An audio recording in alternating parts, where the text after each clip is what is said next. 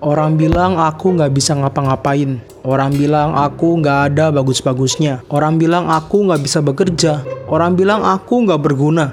Bahkan ya, orang bilang aku tuh kayak orang yang nggak ada tujuan hidupnya. Hmm, biar gitu, aku sih cuek aja. Karena Efesus pasal 2 ayat 10 mengatakan kalau aku ini adalah buatan Tuhan. Masterpiece Tuhan. Aku sangat spesial di matanya.